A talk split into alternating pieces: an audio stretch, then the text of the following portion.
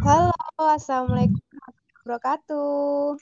Waalaikumsalam. Waalaikumsalam warahmatullahi wabarakatuh. Kembali lagi ke bersama kita lesehan sepele. Hey. Nah, ini podcast pertama kita, jadi kita mau perkenalan dulu dengan Laila Yuana Niko. Yuana Niko Saya Inggar Dwirani. Hai Inggar. Hai. Sama tak berjumpa. Gimana sehat Inggar? Alhamdulillah sehat. Di rumah aja ya. Di rumah aja dong. Tema podcast kita hari ini itu lesehan, warung makan. Nah, gimana sih filosofinya? Jadi kita itu kalau makan tuh kayak santai aja gitu kan. Tapi kita butuh makan. Jadi kita sama aja nih kayak ilmu. Kita butuh ilmu tapi kita belajarnya santai-santai aja, ya gak? Ya, masuk, ya mantap. Nah, menu lesehan kita hari ini itu murabahah pada jasa keuangan Islam. Gimana, menarik nggak nih? Menarik banget. Sangat dong. Nah, kalian pasti yang dengerin ini uh, mungkin masih mungkin awam, masih ya. awam ya sama murabahah. Jadi kita tuh mau uh, ngobrol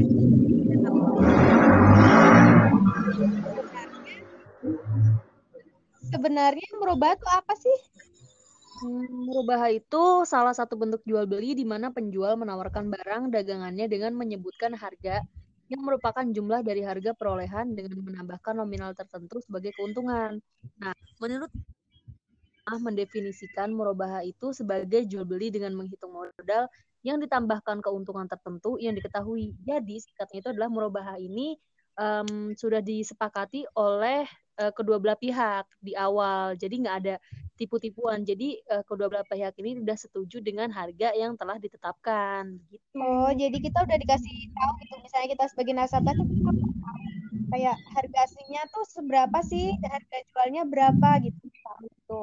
Iya. Hmm. Jadi nggak ada kayak um, kucing-kucingan gitu ya. Kedua belah pihaknya jadi udah tahu gitu dan udah sepakat untuk membayar dengan harga yang telah ditentukan pada uh, waktu di awal gitu. Oh, begitu. Hmm. Lalu nih, dalam prakteknya tuh mengmurabah dalam syariah tuh udah sesuai dengan prinsip syariah sama undang-undang belum sih?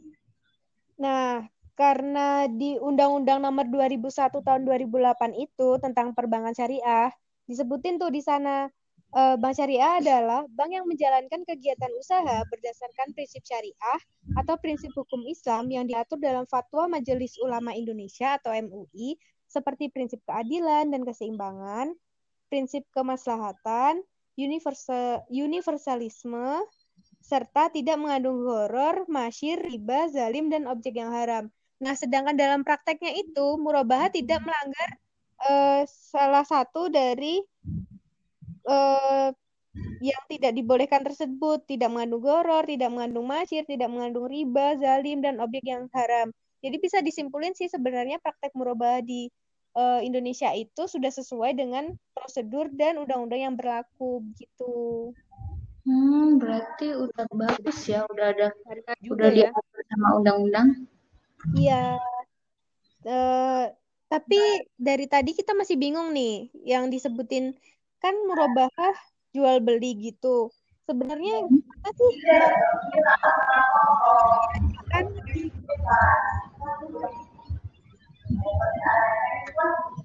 Enggak rame banget. Biasa. Neng, kue neng di untuk ada orang beli. Oh.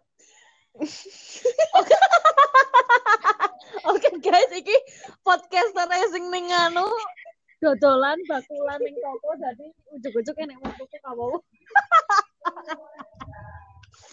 Oke, cut cut cut. Oke, okay, masuk next. Tadi sampai mana nih? Cara kita mendapatkan pembiayaan murabah itu kayak gimana gitu? Hmm, setahu aku pertamanya itu pengajuannya adalah pembiayaan seperti formulir aplikasi. Uh, terus kemudian ada verifikasi dokumen tentunya. Terus abis itu ada persetujuan pengajuan pembiayaan. Kemudian ada peningkatan pembiayaan dan peningkatan jaminan. Kemudian ada pembayaran. Kemudian ada pembayaran Terus juga ada biaya sebelum pencairan atau biaya yang timbul administrasi, ansur, ansurasi jiwa, asuransi kebakaran. Kemudian ada setting fasilitas pembiayaan merubah, pembayar, pembayaran angsuran dan ada pelunasan pembiayaan. Oh, jadi kayak kita tuh pertamanya kita yang ngajuin ya pembiayaannya. Kita mengajukan pembiayaan ke bank, terus nanti kita kayak ngisi formulir segala macam, terus nanti dari pihak bank itu menentukan ini layak atau enggak gitu. Terus kalau udah hmm kita baru suruh uh, bayar biaya administrasi sama asuransi tadi, baru diproses gitu sama bank. Iya, betul sekali. Oh. Seperti itu. Hmm, jadi kayak gitu. Uh, tapi skema dari Murabah sendiri tuh kayak gimana sih? Maksudnya Bang jualan gitu dalam, gitu atau gimana? Dalam prakteknya ya? Iya. Kalau yang pernah aku baca sih awalnya tuh kayak nasabah itu pertama tuh ngajuin pembiayaannya ke Bang, kayak mau beli barang ini dengan kriteria kayak gini, kriteria kayak gini, kayak kasih gitu. contoh deh, kasih, kasih contoh, contoh deh. Misal beli HP, HP. Misal mau beli mobil lah yang lebih tinggi kayak gitulah. Nah, mobil saya mau beli mobil Brio. Kan. Ya, ya, datang ya. deh karena nggak ada duit datang ke bank. Terus bilang mau ngajuin pembiayaan merubah kayak gitu. Terus habis itu ada apa itu ada negosiasi antara bank sama nasabahnya hmm. yang harus dipenuhi kedua kayak harga awalnya beliau itu kayak segini seumpama 150 lah ya terus nanti bank itu mau ngambil marginnya 50 jadinya membayarnya 200 ribu oh. nah nanti ketika Ketika nasabah udah setuju, baru bank itu memesankan barangnya kepada supply sesuai kriteria yang diinginin nasabah di awal tersebut beliau itu. Nah, kemudian setelah selesai, baru deh kan barangnya udah jadi di, milik bank kan, hmm. udah dibeli sama bank. Nah, baru antara nasabah sama bank itu ada apa ngadain kontrak Transaksi. jual beli oh. kontrak murobahannya itu nah setelah udah selesai tuh ditandatanganin sama antara nasabahnya di banknya terus baru barang sama dokumennya itu dikirim ke nasabah dan hmm. kemudian nasabah itu dapat melakukan pembayaran sesuai kesepakatan di awal yang tadi kayak mau diangsur berapa bulan kayak gitu. Oh, jadi kayak di awal itu kan tadi kayak mengajukan uh, apa sih yang di awal tadi kita bahas verifikasi dokumen itu gitu ya. Mm -hmm. Sama banknya dicariin tuh barangnya ke supplier. Ya. Sama sama banknya disalurin ke nasabah, baru nasabahnya bayar ke bank gitu. Hmm, ya. Ya ya ya ya ya, paham paham. Hmm, aku mau nanya deh nih perbedaan harga jual dalam murabahah dan bank konvensional dalam bank konvensional apa ya? Ada nggak perbedaan murabahah dengan pembiayaan di yang di bank konvensional? Ada sih, setauku yang aku baca juga di jurnal kan. Iya. Nah itu tuh kalau di bank konvensional itu bukan kayak jual beli barang, tapi itu lebih tepatnya itu bank konvensional meminjamkan uang ke nasabah yang ingin membeli barang. Jadi oh. kayak memberikan uang, terus habis itu nanti ada deh ada bunga yang harus dibayar oleh hmm. nasabah sesuai dengan pokok pinjaman dan jatuh tempo pinjaman tersebut. Nah, Jadi sedang di perbankan konvensional itu nasabahnya itu dikasih uang dikasih buat beli uang sendiri. untuk membeli sendiri. Iya, dikasih uang buat beli. Uangnya kira-kira uangnya itu 200 juta kan. Hmm. Nah, nanti nasab eh bank konvensional tuh kayak memberikan bunganya 20%. Jadi nanti tinggal dikalikan. Oh, gitu. Kalau di bank syariah? Nah, kalau di bank syariah itu namanya kan pembiayaan murabahah. Mm. Jadi di awal itu nasabah itu udah tahu total harga barang tersebut berapa. terus sama margin yang diingin yang mau apa Yang ditetapin yang sama bank yang gitu. ditetapin ah, yang ditetapin sama bank Oh, terus kayak kemampuan membayarnya nasabah juga berapa bulan gitu-gitu ya. ya Oh, jadi sesuai jadi kayak nggak ada bunga iya sih. Berarti menarik ya pembiayaan murabaha ini. Tapi dalam dalam prakteknya tuh ada risiko nggak yang ditanggung sama pembiayaan murabaha? Soalnya kan dari tadi kita tuh lihat tuh kayak aman-aman aja gitu kan. Ada akad, ada kesepakatan. Tapi ada risikonya nggak sih? ya pastilah setiap suatu itu pasti ada resiko nah Asik. nah resikonya tuh ya yang sering terjadi tuh ada tiga kalau nggak salah nah itu tuh terkait barang jadi sebelum barang itu dimilikin sama nasabah bank itu udah bertanggung jawab atas resiko kehilangan atau kerusakan barang jadi Oh, gitu. Mm-mm, jadi barang itu harus udah harus sampai pada nasabah itu dengan kondisi yang baik. Kayak Hmm, gitu. Kalau rusak ya nasabahnya nggak mau. iya iya iya. Terus? Terus terkait nasabah. Kalau nasabah itu kan dalam akad murabahah itu bersifat tidak tidak mengikat kan. Jadinya nasabah itu bisa aja menolak atau membatalkan pesanan atau menerima pesanan, pesanan tersebut kayak gitu. Nah, yang paling sering apa terjadi itu dalam pembayaran. Kadang tuh? Nah kadang itu nasabahnya itu tidak memiliki kemampuan untuk membayar kayak gitu loh. Oh, di tengah jalan gitu ya, macet gitu ya pembayarannya. Mm-mm, pembayarannya macet karena ya nasabah kurang mampu mungkin.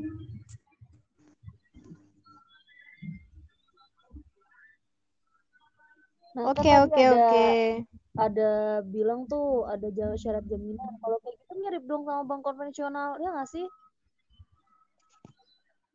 Eh, sebenarnya sih beda ya. Kalau kalau sorry sorry. Ulangi itu. Nah, tadi kan kita udah ngomongin syarat jaminannya tuh. Nah, sama aja dong kayak bank konvensional. Enggak sih, sebenarnya pemberian bank jaminan itu memainkan peran penting. Jadi kayak misalnya jatuh tempo, nah bank konvensional tuh bisa kayak ngambil jaminan itu gitu loh, agungannya tuh bisa bisa diambil sama bank konven gitu. Kalau di perbankan syariah, pada dasarnya jaminan tuh bukan satu rukun atau syarat yang mutlak dipenuhi dalam murabahah. Jadi jaminan itu diterapkan sebagai suatu cara untuk memastikan bahwa hak kreditur tidak dihilangkan dan untuk menghindari dari memakan harta orang lain secara batil. Jadi dalam kontrak murabahah itu jaminan itu berupa benda bergerak atau benda tidak bergerak dan barang-barang murabahah itu sendiri. Tuh. Nah, terus kan tadi ngomongin bendanya juga nih, kalau misalnya ada pengalihan objek murabahah yang telah diserahkan kepada nasabah oleh bank syariah ini, kalau misalnya secara hukumnya itu gimana sih objeknya tersebut? Apakah sudah menjadi hak milik nasabah?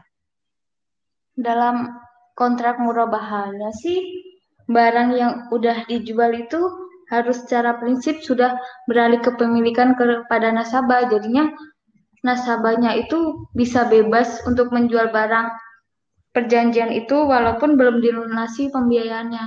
Kayak gitu. Oh, jadi itu tuh udah milik yang mutlak ya buat si nasabahnya tadi. Mau barang itu mau dijual kembali juga nggak apa-apa gitu kali ya. Iya. Jadi kalau kemungkinan nasabah tidak mampu melunasi atau lagi butuh-butuh banget duit, terus nggak ada duit, jadi bisa deh barang tuh mau dijual bisa. Hmm.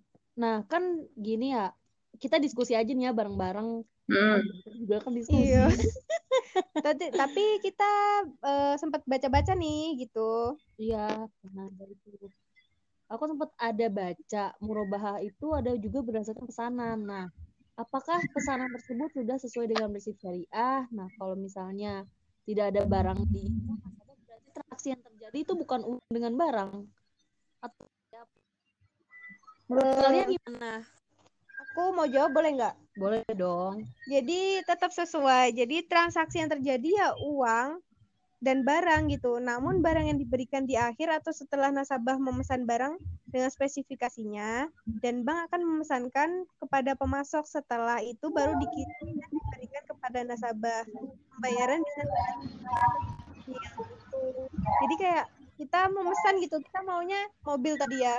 Mobil Brio tuh yang kayak apa, yang warna apa, yang uh, gimana modelnya maunya, mau yang second atau yang itu yang baru. Nah, itu sesuai spesifikasi kita gitu baru disenin sama bank. Ngomong-ngomong kanan di Murobahan ya berarti ini tuh pengaplikasian sama aplikasian apa? Isti istisna dan juga salam. Uh, menurut kalian? aku mau jawab lagi boleh nggak?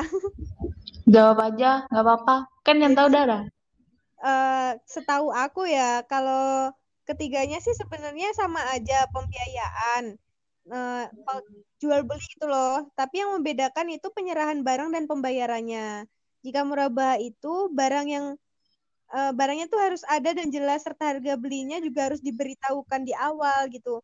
Kalau salam itu pembayarannya kan dilakukan uh, pembayarannya harus dilakukan di awal dan diberikan barangnya itu setelah akhir jatuh tempo. Kalau istisna itu pembayarannya bisa dilakukan di awal, di tengah, di akhir dan barang diberikan di masa akhir kontrak gitu.